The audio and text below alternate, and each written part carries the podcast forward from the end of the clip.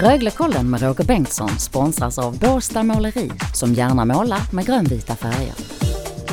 Efter tio dagars uppehåll så var Rögle tillbaka på isen. Denna gång mot IK Oskarshamn. Ja, 5-1. Röglekollen finns här. Vi dissekerar allt om matchen.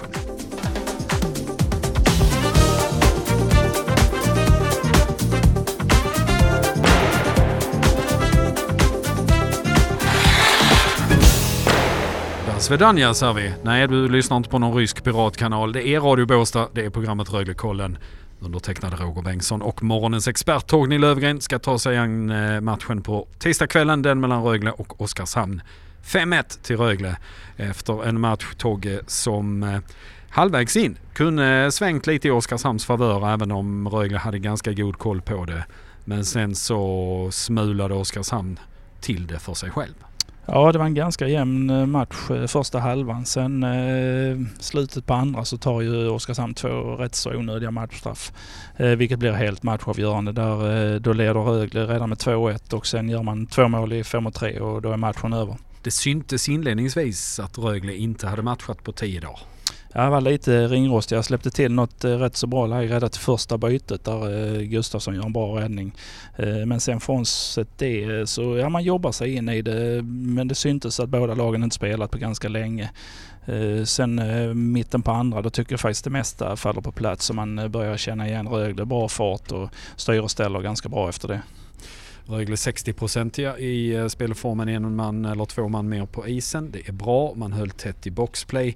Johan Gustafsson stod i kassen för andra Rögle-matchen i rad. 94 procent, lite drygt i räddningsprocent. En inte helt enkel match för JG.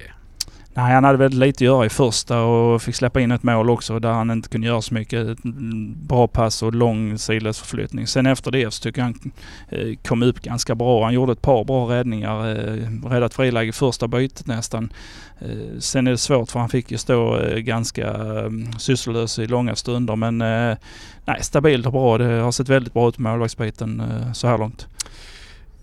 Leon Bristedt, extra forward idag återhämtar sig ju fortfarande delvis efter eh, covid-19 där i slutet på förra året. Eh, fick en hel del matchande i sista perioden. Vad tänker du?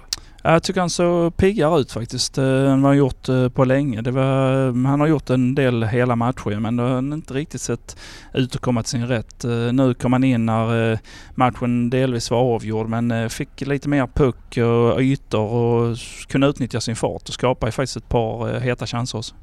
Och förra årets centerkamrat till Bristedt, Ted Brithén, fick göra sitt första mål efter återkomsten från Schweiz ganska viktigt tror jag. Ja det tror jag är skönt för honom. Jag tycker han kom upp eh, ganska bra sista matchen innan uppehållet. Där eh, började han hitta rätt och sen en veckas träning komma tillbaka och eh, hade ett plus ett idag. Så, men jag tror det var ganska skönt för honom att få hål på det också.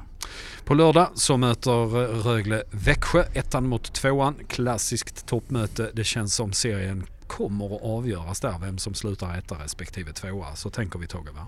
Ja, jag tror eh, att den eh, kan bli helt avgörande. Det är väldigt viktigt att man tar eh, den matchen på torsdag först mot Linköping. Men sen känns det, tar man den så känns det ju som att nyper man Växjö på lördag så bör man kunna spela hemserien. Säg nu inte för mycket Togge. Du och jag kommer tillbaka här i Röglekollen på Radio Båstad på fredag och snackar upp lördagens möte mellan Rögle och Växjö. Då ska vi ha tagit reda på allt som är värt att veta inför. Tusen tack för idag Togge. Tack så mycket. Röglekollen alltid här på Radio Båstad. Härnäst på fredag när vi tittar in emot helgens storkamp i Catena Arena 15.15 Rögle mot Växjö. Vi tackar för att du har lyssnat denna morgon. Ha det fint. Hej!